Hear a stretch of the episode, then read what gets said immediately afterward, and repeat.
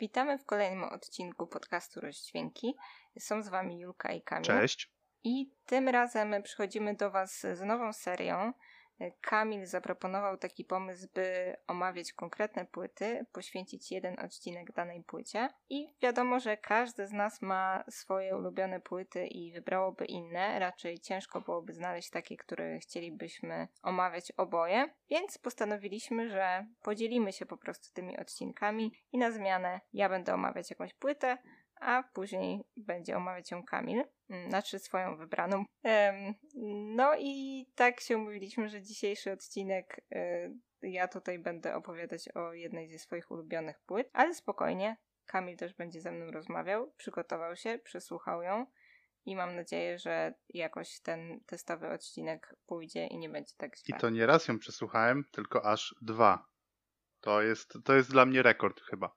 Ja dla równowagi przesłuchałam ją chyba 2000 razy i to nie będzie przesada. I chyba jest to już moment, żebym odkryła karty, powiedziała, co to jest za płyta. Wydaje mi się, że osoby, które mnie znają, nawet takie, które mnie nie znają bardzo dobrze, a po prostu mnie kojarzą i miały okazję rozmawiać ze mną na temat muzyki. Domyślają się, co to może być za płyta albo zespół. Wydaje mi się, że nawet słuchacze podcastu mogą już chyba załapać, e, jakiego zespołu płyta to będzie, bo też dość często wspominasz właśnie o tym zespole. Tak, i trochę wydaje mi się to takie banalne, że zaczynam od tego zespołu, ale, ale trudno. Z drugiej strony jest to ogromna część mojego życia i, i ciężko byłoby umniejszyć im tego, ile po prostu wnieśli do mojego życia i jak ważna byłaby to dla mnie płyta Uwaga Woga i jest to Arctic Monkeys i płyta Favorite Worst Nightmare. Wow! Wow, tak. I chociaż nie słucham jej ostatnio często, bo słuchałam jej bardzo dużo w liceum i wtedy poznałam tę płytę. Słuchałam jej tak bardzo dużo, że od kilku lat y, bardzo rzadko do niej wracam, bo po prostu już nie mogę jej więcej słuchać. Wiadomo, że coś się skończyło i też robiąc ten odcinek chcę podkreślić, że słucham teraz więcej po prostu innych rzeczy. Nie jest tak, że przez te wszystkie lata Arctic Monkeys to była jedyna płyta, którą słuchałam, ale tak jak mówiłam, jest dla mnie bardzo ważna E, no i też y, kiedyś zbierałam o niej dużo informacji dla samej siebie po prostu, więc pomyślałam, że tutaj się z nimi podzielę z wami, ale też to, jaki ja mam cel przy tym odcinku, to jest to, żeby i trochę dla siebie, i trochę dla was spróbować odnaleźć, na czym polegał dla mnie fenomen tej płyty.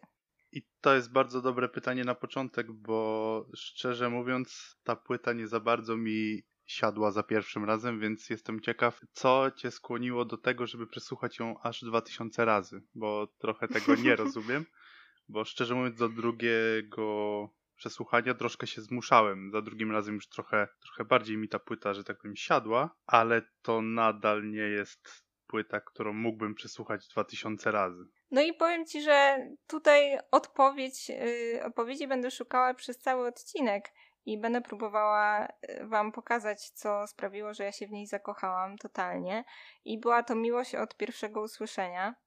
To może zacznę od tego, że Arctic Monkeys skojarzyłam już wcześniej, nawet z dzieciństwa, a ich pierwsza płyta, Whatever People Say I Am, That's What I'm Not, też była u nas w domu na komputerze i ja słuchałam jej wcześniej. Nie byłam ich taką wielką fanką, tylko po prostu była dla mnie to ok płyta, lubiłam tam część piosenek i, i spoko. Później zaczęłam ją lubić coraz bardziej i słuchać w całości i do tego stopnia się w nią wkręciłam. To był właśnie początek liceum, pierwsza klasa i to jesień, więc sam sam początek. Do tego stopnia wkręciłam się w tę pierwszą płytę, że postanowiłam po prostu poznać resztę e, dyskografii. No i poszłam sobie chronologicznie do drugiej płyty, która jest naszym bohaterem dzisiejszym. Były to te czasy, kiedy jeszcze nie miałam Spotify'a i tutaj YouTube i moja MP4 Zenon były głównymi źródłami muzyki dla mnie. I tam, ciekawe czy jeszcze można to znaleźć, nie wiem, ale była, była płyta w całości wrzucona w jeden jakby filmik na YouTubie, ale nie były po kolei te piosenki tak jak na płycie,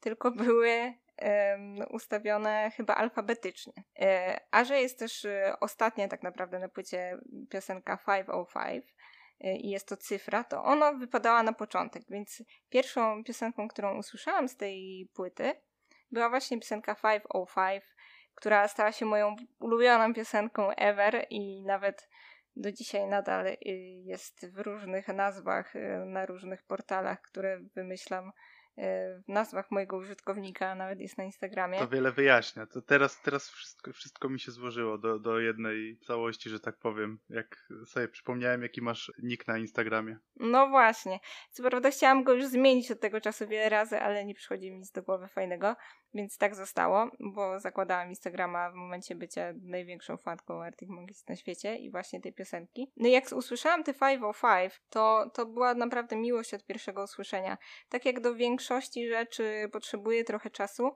i najpierw mam takie ok, fajne, a później za którymś razem mam wspaniałe i po prostu kocham to. Tak tutaj naprawdę wkręciłam się od razu i, i, i poszło po prostu dalej.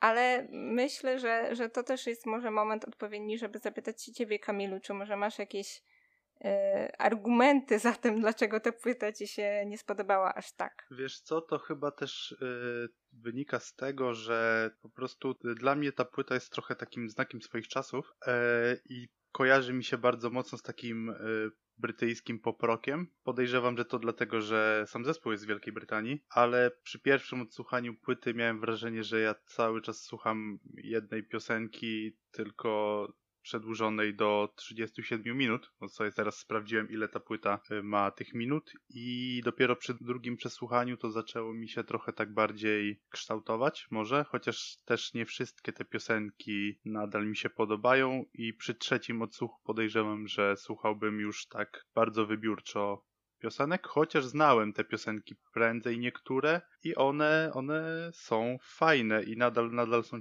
świeże dla mnie, ale cała płyta jest trochę ciężkim przeżyciem dla mnie. Powiem ci, że jak przy tej płycie mówisz, że jest ciężkim przeżyciem, to obawiam się, co będzie dalej, jeżeli chodzi o tę serię, bo akurat Favorite Worst Nightmare uważam za płytę łatwą i przyjemną w odbiorze, a dużo takich cięższych yy, w odbiorze albumów yy, planuję tutaj przedstawić i kazać ci słuchać, więc Podej- jestem ciekawa, co Podejrzewam, będzie. że ja też się zrewanżuję, więc yy, to będzie, to będzie to. ciężka przeprawa dla nas obojga. tak, liczę na to. No dobrze, powiedziałam o tym, jak dla mnie się to zaczęło, jeżeli chodzi o tę płytę, ale chciałabym też bardzo opowiedzieć Wam, jak to się zaczęło, jeżeli chodzi o same arktyczne małpki i, i jak to się zaczęło u nich. Jaki to był w ogóle moment w ich karierze, kiedy ta płyta wyszła.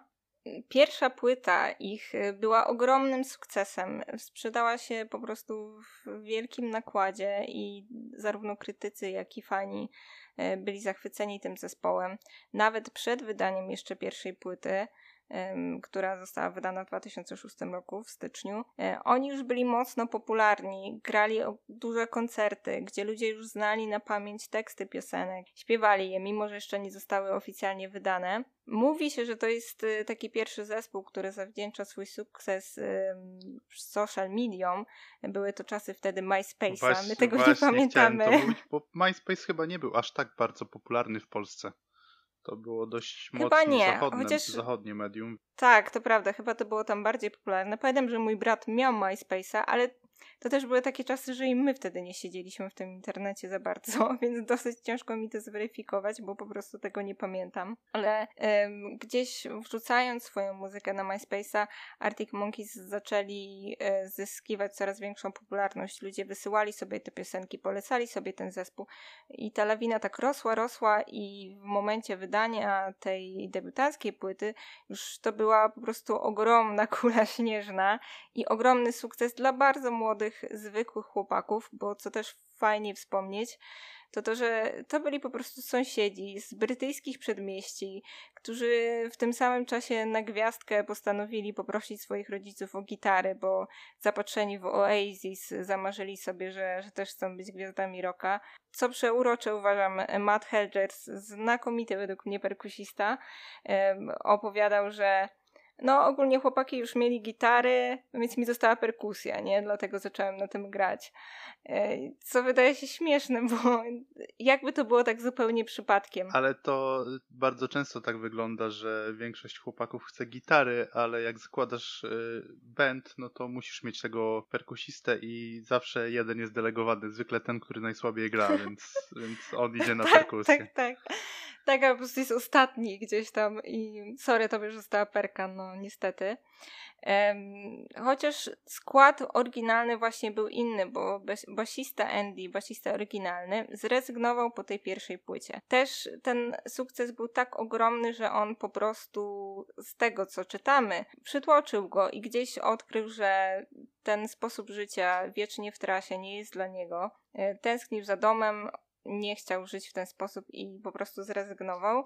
E, na jego miejsce wtedy wszedł Nick, który jest tam do dzisiaj i już skład e, pozostał niezmienny. E, jeszcze chciałbym dopowiedzieć, że chyba zespół nie potwierdza tego, że to oni wrzucali te swoje piosenki na MySpace'a, że to fani robili, że oni z tym MySpace'em chyba nie mieli zbyt dużo wspólnego. Czytałem to chyba w jakiejś książce, chyba nawet w biografii Arctic Monkeys. Tak, w książce, którą chyba ci, nie wiem, mówiłam ci o niej albo ci ją pożyczałam, nie pamiętam, ale faktycznie rozmawialiśmy tak, o tak, niej. Tak, tak. Ja tak średnio polecam tę książkę ogólnie, bo średnio jest napisana i dosyć ciężko się czyta. Z drugiej strony zawsze można się tam coś z niej dowiedzieć, więc nie jest tak, że zupełnie odradzam, ale nie uważam, że jest świetnie napisana. Ja jej nigdy nie skończyłem. To też jest dość no, ciekawe. No nie dziwię się. Ja skończyłam, ale dlatego, że no, chciałam wiedzieć, zebrać te informacje, które tam były, ale nie czytało się tego dobrze w sensie takim, że nie była to dobra literatura, według mnie przynajmniej. Ale tak, nawiązując do tego, co mówiłeś dokładnie, e, oni gdzieś się odcinają z tego, denerwuje ich raczej to, że mówi się, no, że ten, ten internet tak bardzo im pomógł. Oni raczej no, chcą, żeby te zasługi, zasługą tego mają być ich piosenki, a nie ten internet. Jest to też wieczna dyskusja dyskusja. Część osób uważa, że to było zaplanowane tak naprawdę i że to była taka akcja marketingowa, tylko po prostu się nie przyznają do tego. Ja nie sądzę, żeby tak było. Myślę, że faktycznie był to przypadek i takie zrządzenie losu, że akurat był to taki czas, gdzie ten MySpace był popularny. No i po prostu to im pomogło, tak się złożyło, ale że jednak te ich piosenki, w nich tkwiła ta siła. On na tej pierwszej płycie, to co tak wstrząsnęło tą Wielką Brytanią, wydaje mi się, że ci Brytyjczycy jeszcze bardziej potrafią gdzieś tam utożsamić się z tymi piosenkami, to było to, że Alex też swoimi tekstami bardzo dobrze potrafił opisać to, jak wyglądało życie młodych ludzi w Wielkiej Brytanii wtedy. E, ich problemy, e, ich rozterki, e, ich zabawę, to po prostu jak to było. Wszystko okraszone jeszcze muzyką gitarową, która faktycznie wtedy była modna, która była świetnie zagrana i jeszcze do tego ich autentyczność, gdzie oni wtedy byli tacy młodzi, pryszczaci, w tych fryzurkach takich dłuższych, w tych sweterkach. Byli po prostu jednymi z nich ale też bardzo utalentowanymi i muzykami i Alex tutaj literacko też e, zawsze był wyjątkowy w tych swoich tekstach, o, o czym będę jeszcze mówić później. Ogólnie na tamte czasy ta muzyka była ok, w sensie ona się wpisywała chyba w e, tamtejszy nurt rocka takiego popularnego, bo w 2007 tych płyt jakichś takich dużo lepszych nie wyszło za dużo moim zdaniem. Przynajmniej nic takiego, co mi zapadło w pamięć, nie, nie, nie było takiego. Znaczy, no według mnie to był bardzo dobry czas muzycznie dla indie rocka i ja lubiłam ogólnie te klimaty. Teraz jest taka posłucha, o czym nieraz już mówiliśmy, jeżeli chodzi o indie rockowe grania, a wtedy Kaiser Chiefs chociażby, czy moi Kuksi, oni wydawali mniej więcej w tych latach, sporo było takich zespołów, chociaż uważam, że Arctic Monkeys byli najlepsi i oni osiągnęli faktycznie bardzo duży sukces. E, ale też, bo mówiłam o tej pierwszej płycie dosyć dużo, nie mówiąc o tej drugiej, która jest tutaj głównym bohaterem dzisiaj, ale dlatego, że dla mnie tym, co sprawiło, że ja jeszcze bardziej tę Favorite Worst Nightmare pokochałam od tej pierwszej, która była po prostu fajną muzą, e, z taką dużą dawką buntu, to druga o tyle jest lepsza według mnie, i o tyle bardziej mnie wciąga, że na niej właśnie Alex pod względem tekstów wyszedł poza te opowiadanie historii w oryginalny sposób, często z bardzo dużym tekstem, e, jakimiś różnymi nawiązaniami i, i przenośniami, przeszedł tylko od bycia takim obserwatorem tego życia brytyjskiego do opowiadania też swoich bardziej personalnych przeżyć i głębszych. E, I tutaj na tej płycie drugiej pojawiają się już takie, czy to teksty o miłości, ale też nie tylko, ale bardziej z perspektywy jego samego i, i jego odczuć. I to sprawiło, że po prostu tak pokochałam ten zespół i jeszcze bardziej się w to wciągnęłam. Na każdej płycie Arctic Monkeys i w ogóle biorąc pod uwagę cały ich sukces, te teksty mają tutaj dużą wagę według mnie. I zawsze Alex też był za nie chwalony. Ja właśnie, mój problem wynika y, trochę też z tego, że ja nie skupiłem się za bardzo na tych tekstach, szczerze mówiąc, i, i no nie mam za wiele do powiedzenia. Czytałem chyba tylko tekst do 505 i zrozumiałem y, dlaczego, dlaczego mógł ci się ten tekst podobać, chociaż y, jednak i tak wolę tą epokę AM w historii zespołu. Dla mnie AM jest chyba najlepszą płytą Arctic Monkeys. I tam, o, no dobra. Tak, tak. Ja mam swoje powody, dlaczego lubię tą płytę. Te powody nie są mądre. Znaczy ja też ją lubię. Te, te powody nie są totalnie y, mądre, ale y, wolę właśnie taką, taką AM-ową stylistykę tego zespołu, a no później to już, już się rozminęło bardzo. W teksty się nie zagłębiałem, chociaż to gitarowe właśnie, nie chcę powiedzieć pitu-pitu, bo to, to brzmi bardzo źle, ale ten rok jest lekki, przyjemny dla mnie. Co może kontrastować właśnie trochę tak. z, tymi, z tymi tekstami. I chyba o to chodzi. Tam. Tak. Tak, tak, tak, tak. Myślę, że bardzo dobrze to określiłeś i konkretnie do, o, o kilku tekstach będę chciała powiedzieć trochę więcej, jak przejdę do konkretnych piosenek ale jeżeli chodzi o samą muzykę, to za, to za to, tak jak powiedziałam już na początku, wydaje mi się, że ta płyta właśnie jest bardzo łatwa w odbiorze, jest bardzo skoczna i bardzo melodyjna, dosyć mocno piosenkowa według mnie, mimo swojego mocno rockowego brzmienia, mocno rockowego mm, takiego poweru, energii. Ogólnie ta płyta wydaje mi się takim idealnym połączeniem właśnie tego z jednej strony takiego rockowego pazura i y, mocnego grania, z drugiej bardzo skocznych melodii, właśnie tej perkusji, która jest taka lekka, wciągająca, tam wszystko się wozi, że z jednej strony jest to mocne granie, a z drugiej mógłbyś do tego potańczyć. I tych piosenek, tych refrenów, które też nieraz spadają w ucho i masz ochotę je pośpiewać, a z drugiej strony masz ambitne teksty, które są długie, które są ciężkie i to, co chciałam powiedzieć, że nie dziwię się, że się w nie nie wgłębiałeś i po dwóch czy trzech przesłuchaniach nie pamiętasz ich, bo one są po prostu dosyć trudne.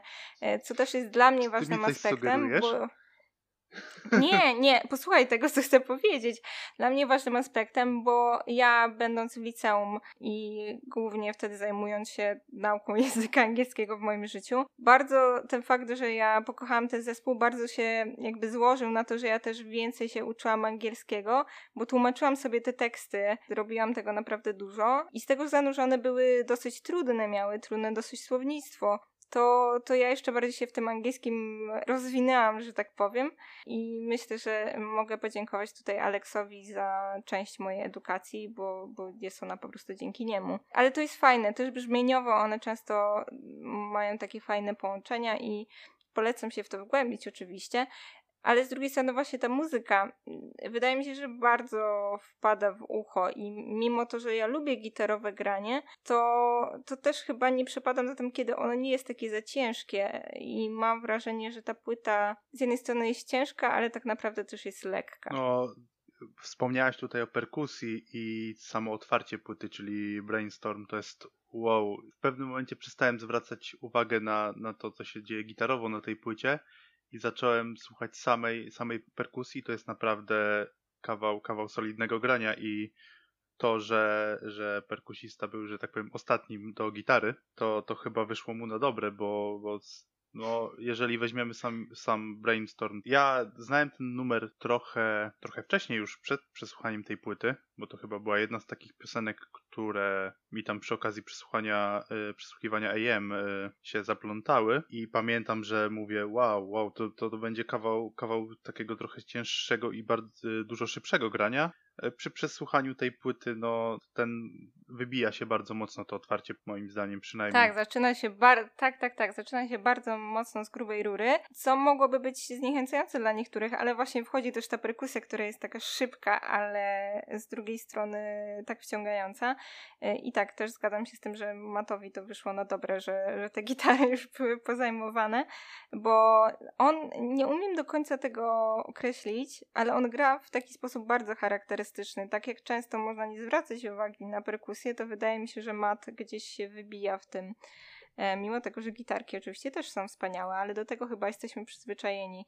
E, gdzieś tutaj ta perkusja jego wydaje się być dosyć wyjątkowa. No i może przechodząc właśnie konkretnie do tych piosenek, już zaczęliśmy od e, początku płyty od Bra Brian Storma. Właśnie to jest, nie wiem czy zwróciłeś na to uwagę, bo to jest Brian o Storm, cholera. nie Brainstorm. O cholera, rzeczywiście. Tak. Dopiero teraz na to zwróciłem. A bardzo, bardzo, bardzo, bardzo często jest to mylone z Brainstorm. A tutaj właśnie taki zabieg literacki, gdzie Alex na samym początku pokazuje, że mm, hola hola, mogę sobie wymyślić taką, taką zabawę słowem. E, bo tutaj Brian jest naszym głównym e, bohaterem tej piosenki. Tak do końca też e, ciężko jest mi powiedzieć, jaki tutaj jest jej przekaz, bo jest ona po prostu opowieścią o, o Brianie, trochę takim gościu, który daje się być, nie wiem, może, może trochę za bardzo przemądrzały. Podobno naprawdę spotkali kogoś takiego na swojej trasie koncertowej. Alex opowiada, że on tak do końca nie pamięta, kim był ten Brian i, i czy on naprawdę istniał, czy on sobie go tylko wymyślił, ale wydaje mu się, że tego właśnie chciał ten Brian. no i właśnie ta wypowiedź pokazuje między innymi, kim jest Alex, prawda? Bo wydaje mi się, że on tak lubi dosyć romantyzować wiele spraw, co mi bardzo odpowiada i, i co zawsze mi się po prostu podobało i gdzieś w tych tekstach jest widoczne. Muzycznie faktycznie jest mocne pierdolnięcie i po prostu I tu będę musiał, z grubej musia, Będę musiał wypikać, żeby y, podcast nadawał się do słuchania przez dzieci. E, przepraszam bardzo, ale no nie powiesz, inaczej nie da się tego określić. W sensie można, ale żeby oddać tak, jest, ten jest charakter, to trzeba jest, tak jest walec. Ja to nazywam walcem.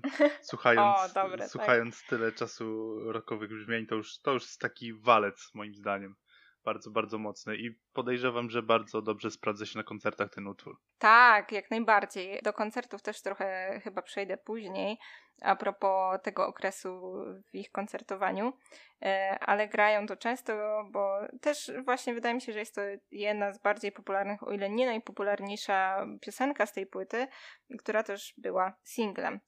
E, idąc dalej, wydaje mi się, że płyta jest spójna i tak jak mówię, że ona gdzieś może te piosenki ci się mm, tak w jedność zlewają. Ja je oddzielam od siebie, przyznam szczerze, nie mam z tym problemu, ale ona faktycznie jest spójna, co dla mnie jest za to dużym plusem, bo ja bardzo lubię spójne płyty. Bardziej mi przeszkadza, jak wszystko jest od sasa do lasa.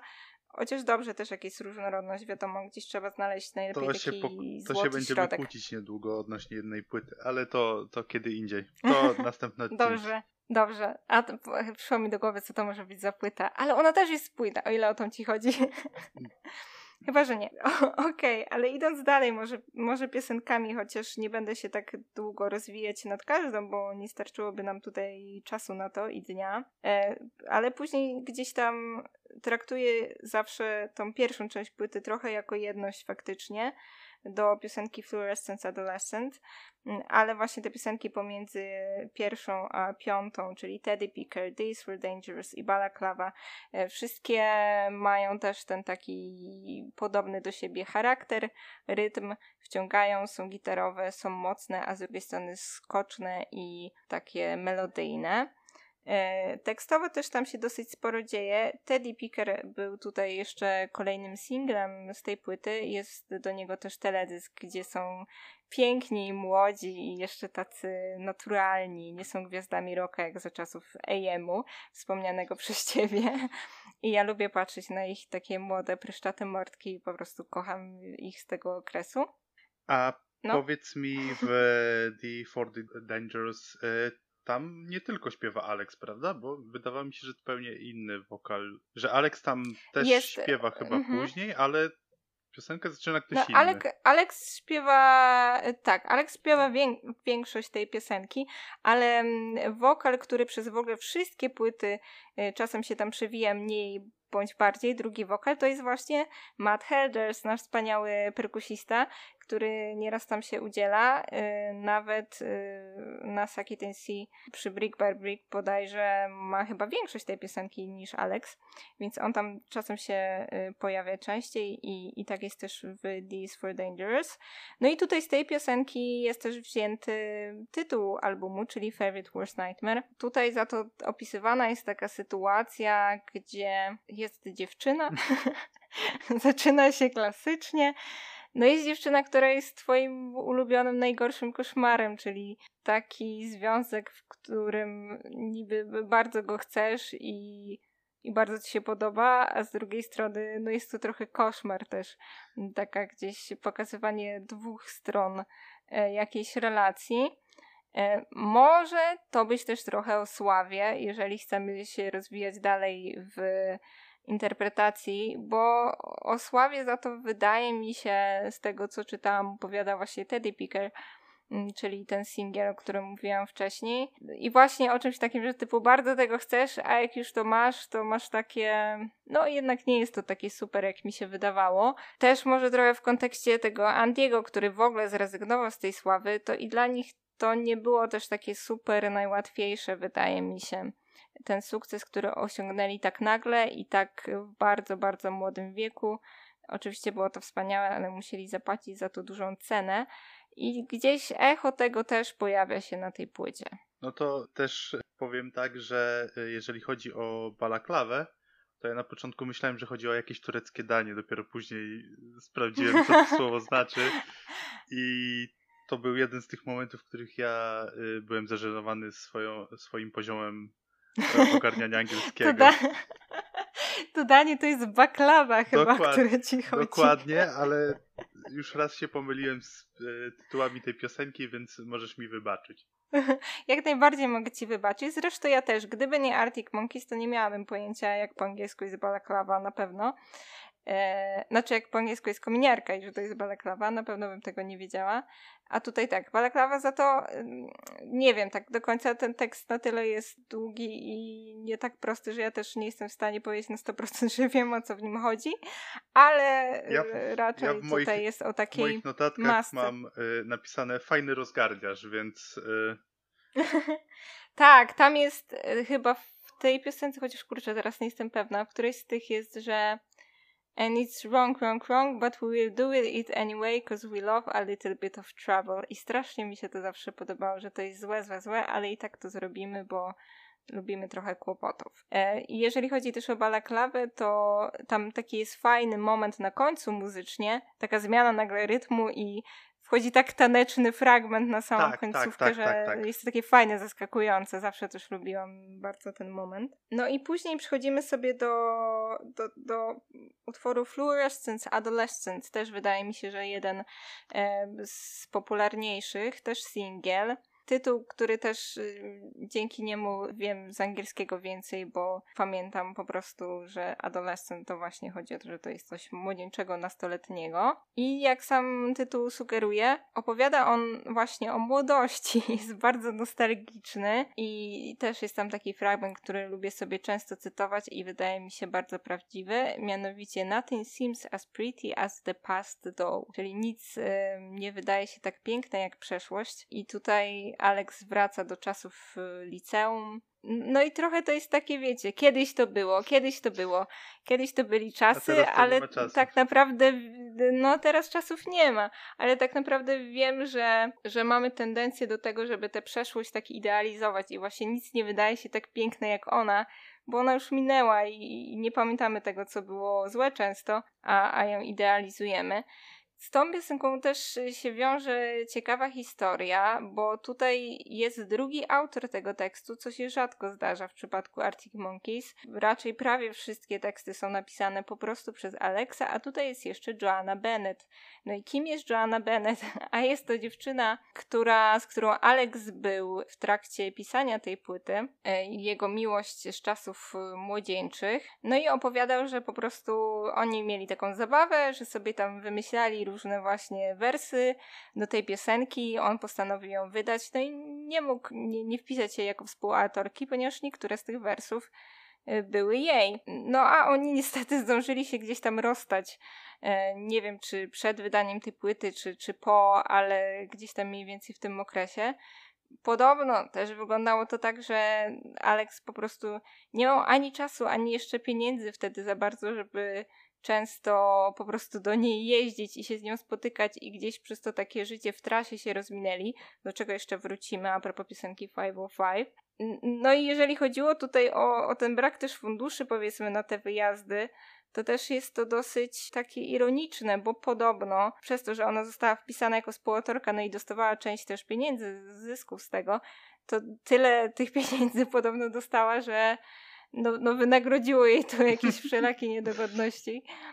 Chociaż jak to tam naprawdę było, no to oczywiście pewności mieć nie możemy, ale faktem jest to, że ona jest tutaj współautorką też tego tekstu. Z tego co widzę, to taka sytuacja, gdzie jest jeszcze współautor, pojawia się w dwóch kawałkach, czyli w Balaklawie, gdzie współautorem tekstu jest Nick O'Malley, który jest basistą, tak? To jest basista, tak, tak dokładnie. A y, drugą, pios- trzecią właściwie piosenką jest y, Old Yellow, Bricks, gdzie jest John McClure, którego nie widzę w, y, ani w zespole, bo też szczerze mówiąc pamiętam tylko Alexa, ani w producentach tej płyty. Wiesz, tak, wiesz ja nie wiem, kto kto to jest. Nie wiem, kto to jest. Pamiętam, że też jest drugi autor y, tego tekstu, bo też lubiłam zawsze ten tekst i jakoś zwróciłam na to uwagę.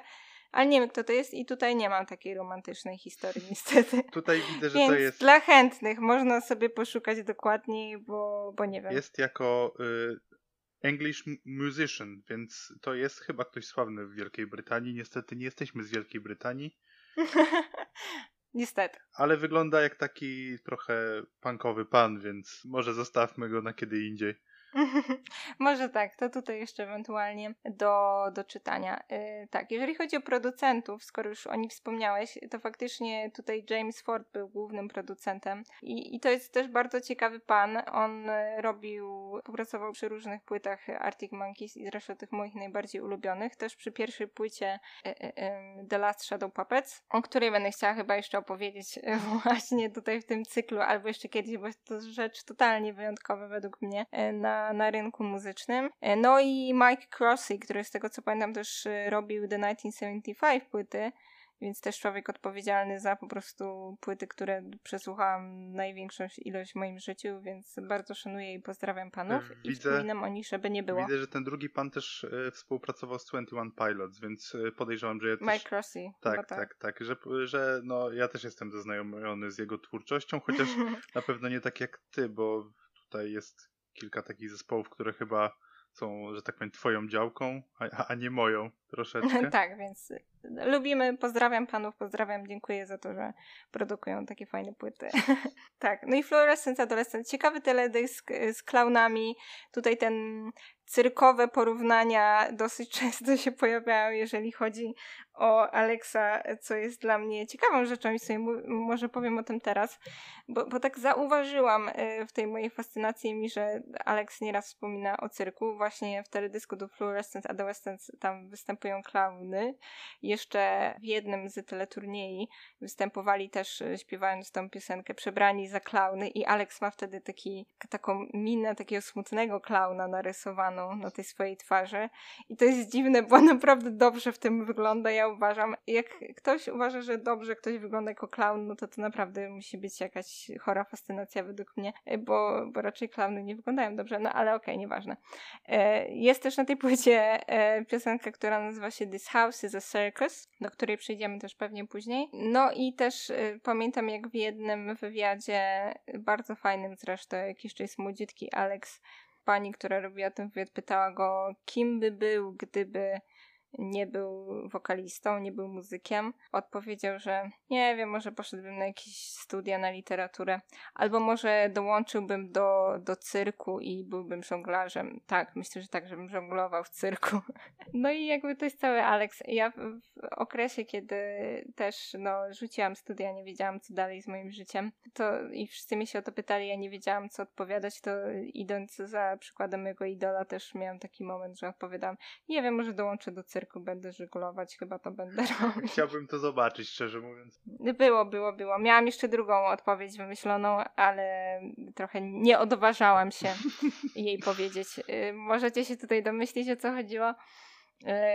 Uważałam, że to zamknie ewentualnie dalsze pytania, więc był to pomysł genialny, ale trochę brakowało mi do niego odwagi. No i Alex tutaj był moją inspiracją, czy to jeżeli chodzi o muzykę, czy to o cyrk, zawsze, całe życie. A to dosyć ciekawe, że ten cyrk go tak fascynuje.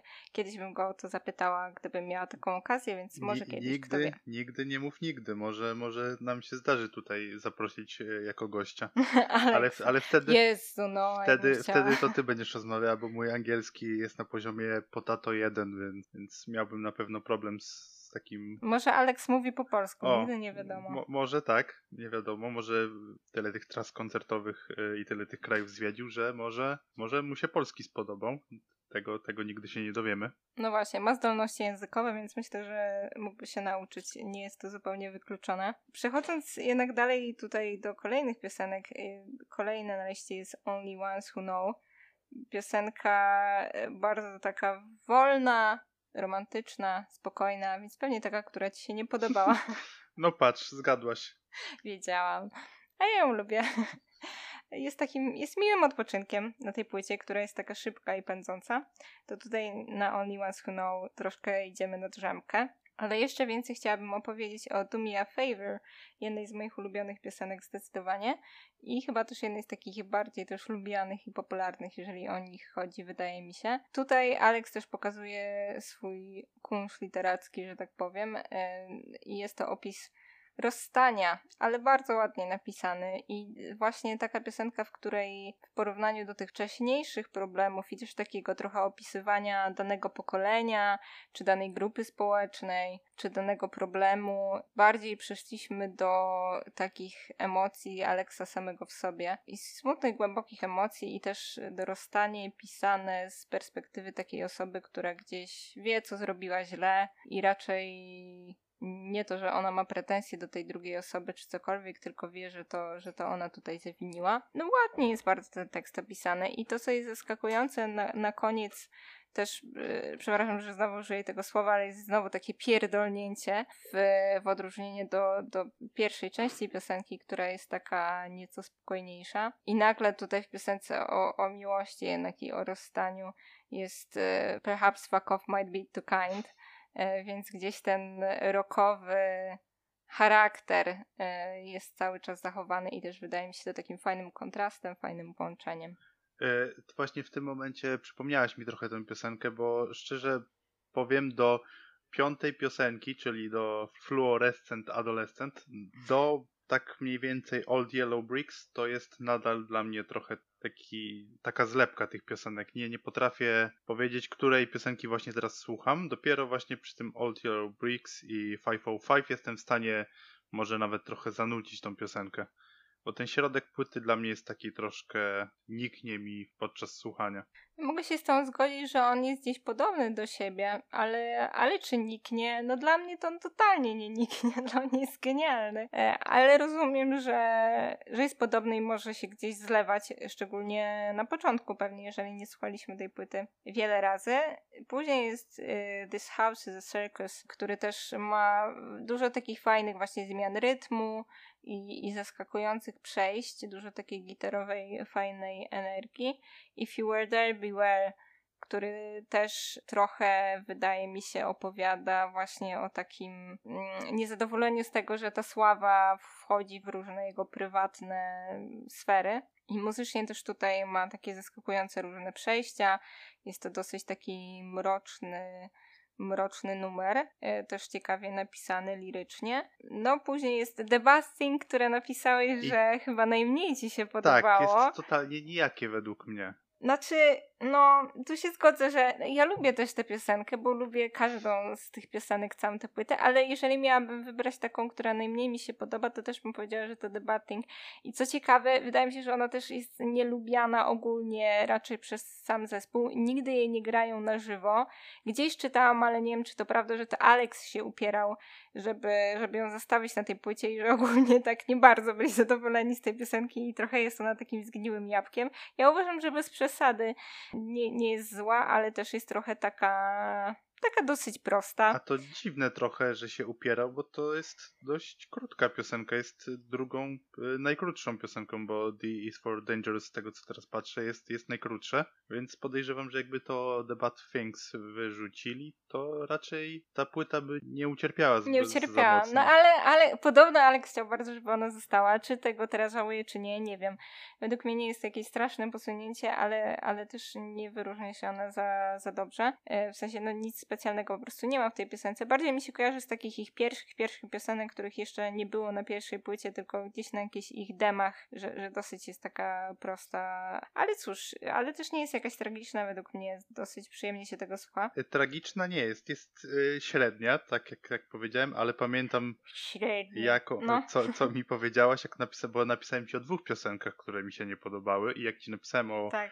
505, że jest takie mech, to ty powiedziałeś, że jak, jak mech, przecież to jest dobra piosenka i przy drugim przesłuchaniu już, już y, siadła bardziej. Nie, nie jest to piosenka, którą będę słuchał namiętnie z tej płyty na pewno, bo są tu, są tu lepsze kawałki, ale, ale jestem w stanie zrozumieć i po przeczytaniu Aha. tekstu też, Aha. też, też y, wiem, o co, wiem o co chodzi już, więc Mhm.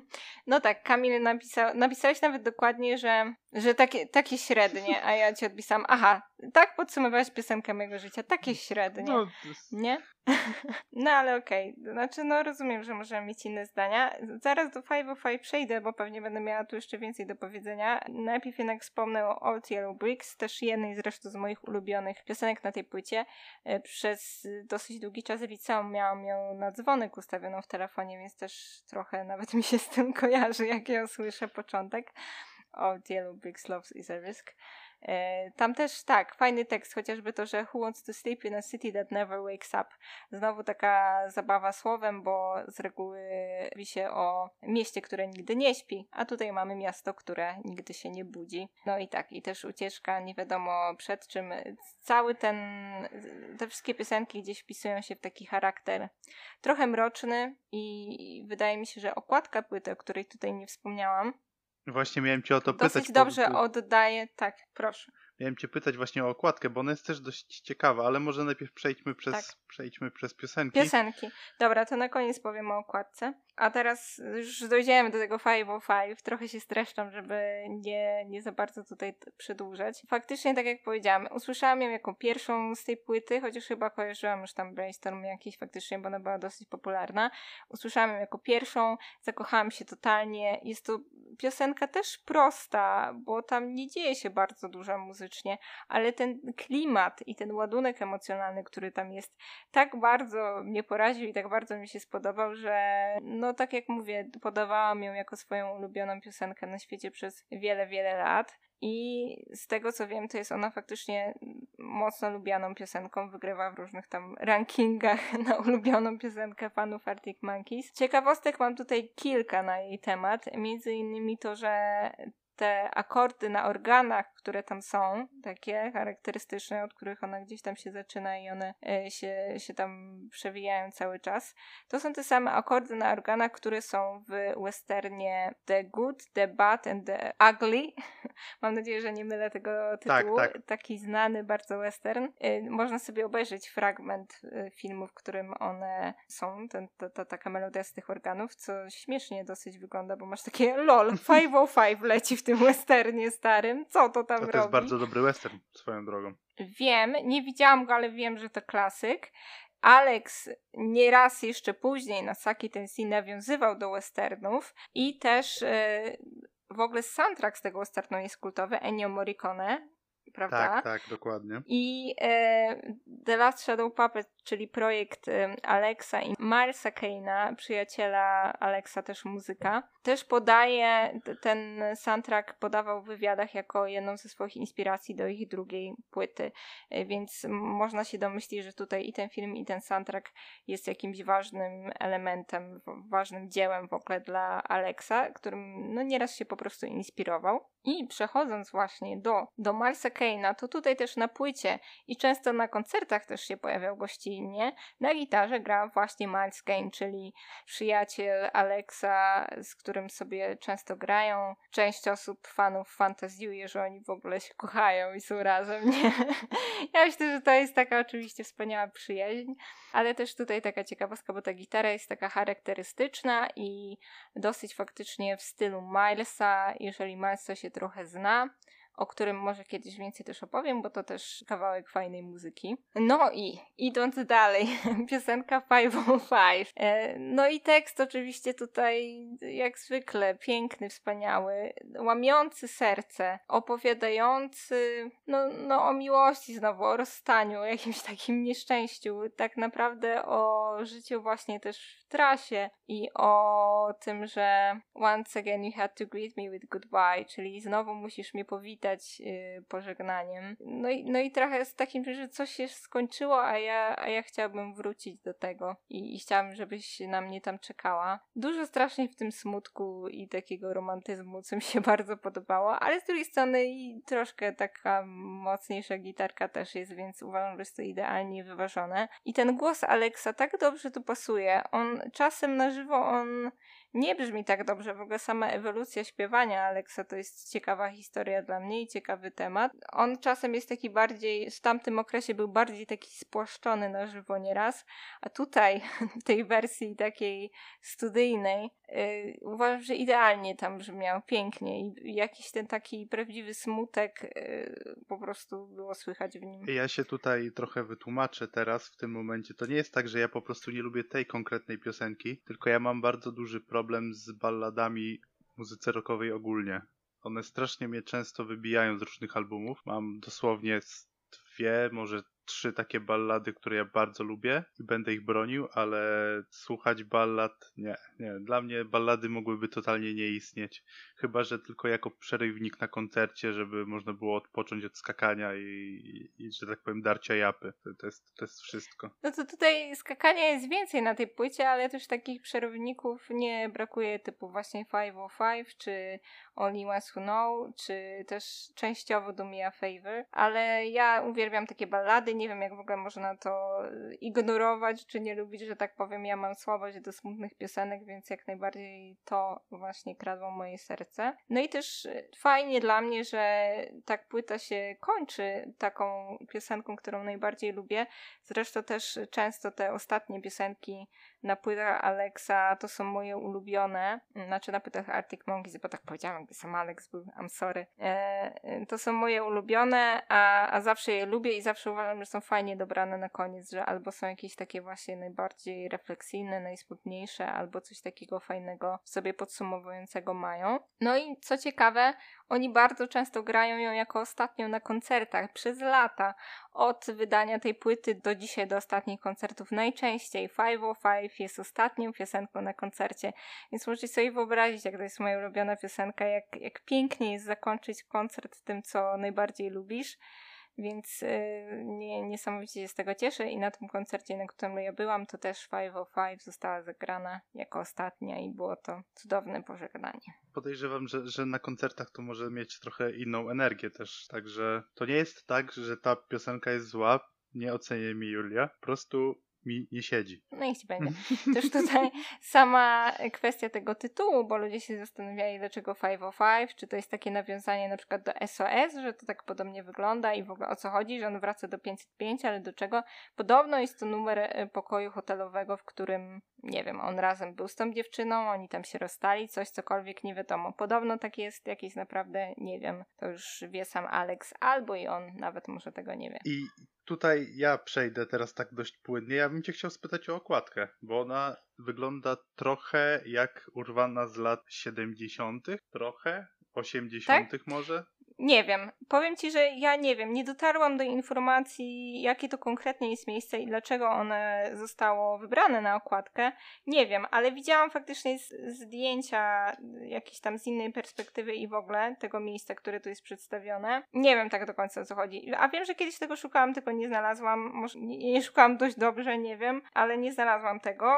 Wydaje mi się, że ona bardzo dobrze jednak oddaje taki charakter tej płyty mi się kojarzą te piosenki właśnie z jakimś takim późnym wieczorem i gdzieś wydaje mi się, że klimatem jest podobna. Ja mam też akurat ze sobą tutaj tę wersję fizyczną płyty i w środku też są jakieś takie dziwne, rozmazane, dosyć mroczne zdjęcia i też jeszcze trochę tego budynku, który jest na tej okładce, ale to, co jeszcze wydaje mi się ciekawsze, to jest to, co jest w środku tej płyty.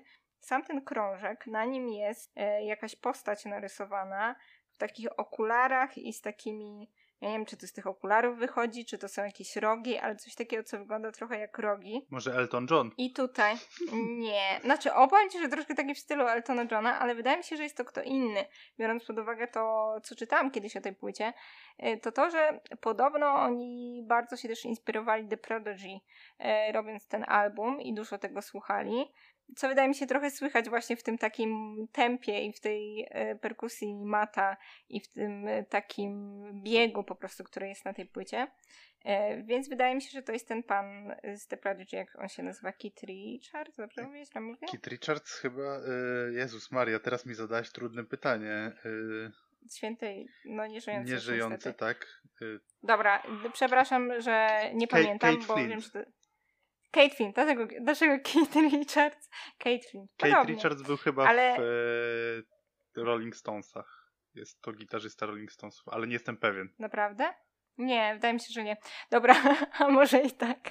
Tak czy owak, to co chciałam powiedzieć na temat, bo też nieprzypadkowo nie pamiętam jak on się nazywa. Ja się boję The Prodigy. Ja nie mogę słuchać tego zespołu, co chyba Kamil zresztą może miał tak, okazję tak. być świadkiem tego, że to chyba Rafał o tym opowiada czasem. Ja nie mogę, ja się boję, we mnie to negatywne emocje e, zawsze, wzbudza. Zawsze, ja zawsze przełączam nerwowa. Prodigy jak tak. leci w aucie, a ja bardzo lubię Prodigy, ale wiem, że żeby nie brać tej płyty żeby cię tutaj nie narażać na traumę. tak, dokładnie. Nie to, że ja wiem, że to jest dobra płyta, ja jestem w stanie to zrozumieć, tylko że ja nie jestem w stanie tego słuchać. Invaders Must Bo... Die jest świetne. Ale ja się boję tej płyty, ja się robię nerwowa przy Dobrze. tym. To jest po prostu takie.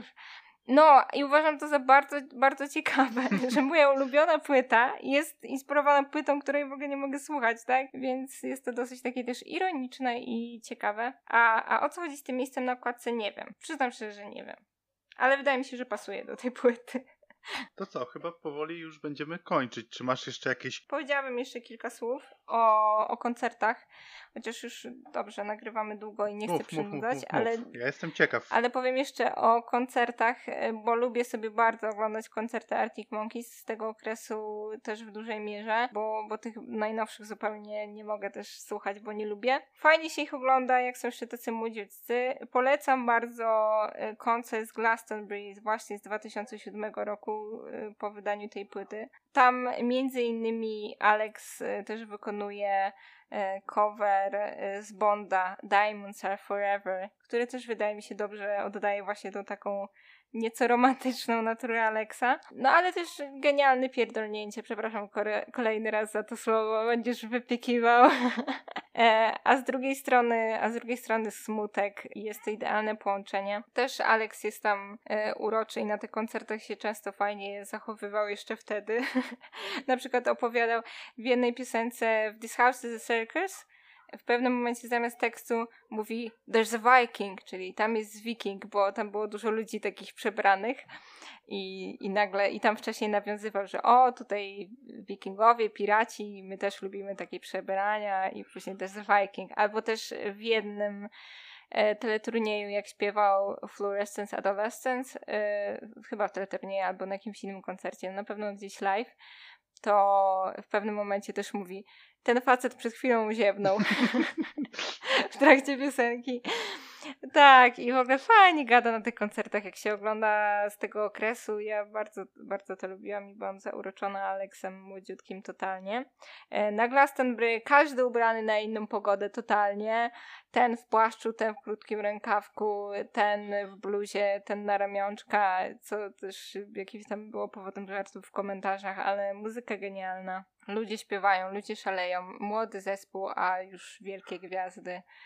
No i tak to było, no to byli czasy i wspaniałe to było, polecam serdecznie. Nadal, nadal to nie będzie moja ulubiona płyta Arctic Monkeys, ja AM będę bronił ręcoma i nogoma, więc... No dobrze, to ja ci powiem jak to wygląda z mojej perspektywy. AM, ja też ją lubię, no ona jest fajna, ale AM to jest, wiesz, gwiazdy rockowe, tutaj picie, bary, ale już takie, wiesz, fancy, oni już tacy zmęczeni tym, tym życiem i, i tacy już przepici, przepaleni. I, I takie to jest takie wymuskane I bardziej właśnie to wszystko. jest dla no mnie ma to fajne. też swój to jest, to jest dla mnie dużo, dużo takie ciekawsze, bo dla mnie właśnie esencją, esencją tego roka jest właśnie takie picie, zblazowanie. No tak, ale na, na Favorite. Worst Nightmare też jest dużo picia i zblazowania, tylko że to jest jeszcze takie, jakieś takie bardziej naturalne i pełne jakiejś takiej energii młodzieńczej. A u AM to już już jest takie wymuskane po prostu. Ta muzyka też ma bardziej taki jednak popowy charakter i Trochę takie tak, bardziej tak. R&B bity tam się- są. A tutaj jest taka mocna gitara, taka surowa i to wszystko jest takie bardziej, właśnie takie bardziej surowe, bardziej prawdziwe, bardziej naturalne i ja lubię chyba bardziej takie rzeczy, o czym tutaj już opowiadałam przy okazji różnych e, wykonawców. No mi się to bardziej podoba, chociaż AM też jest super i nie mówię, że nie, ale dla mnie, wiesz, jest takie, że no AM i też jest najbardziej popularne w naszym roczniku, więc to jest dla mnie takie, no wszyscy znają ten AM, Chcesz no być dobra, bardziej dobra, ale... alternatywna trochę. Nie, nie to, że chcę, tylko po prostu jestem i tyle, no. Powiedziałam to tak pretensjonalnie, No. dosyć specjalnie. Specjalnie to zostawię, Eee. nie wytnę tego. Nie wycinaj, bo to niech będzie. Dobra, trochę zestroję żarty. Ale dobra, tak, uwielbiam ich. Pewnie chciałabym, wiesz, opowiedzieć milion rzeczy, ale myślę, że najważniejsze, to co chciałam powiedzieć, to powiedziałam. Nie będę więcej przynudzać. Ja uważam, że to jest ekstra.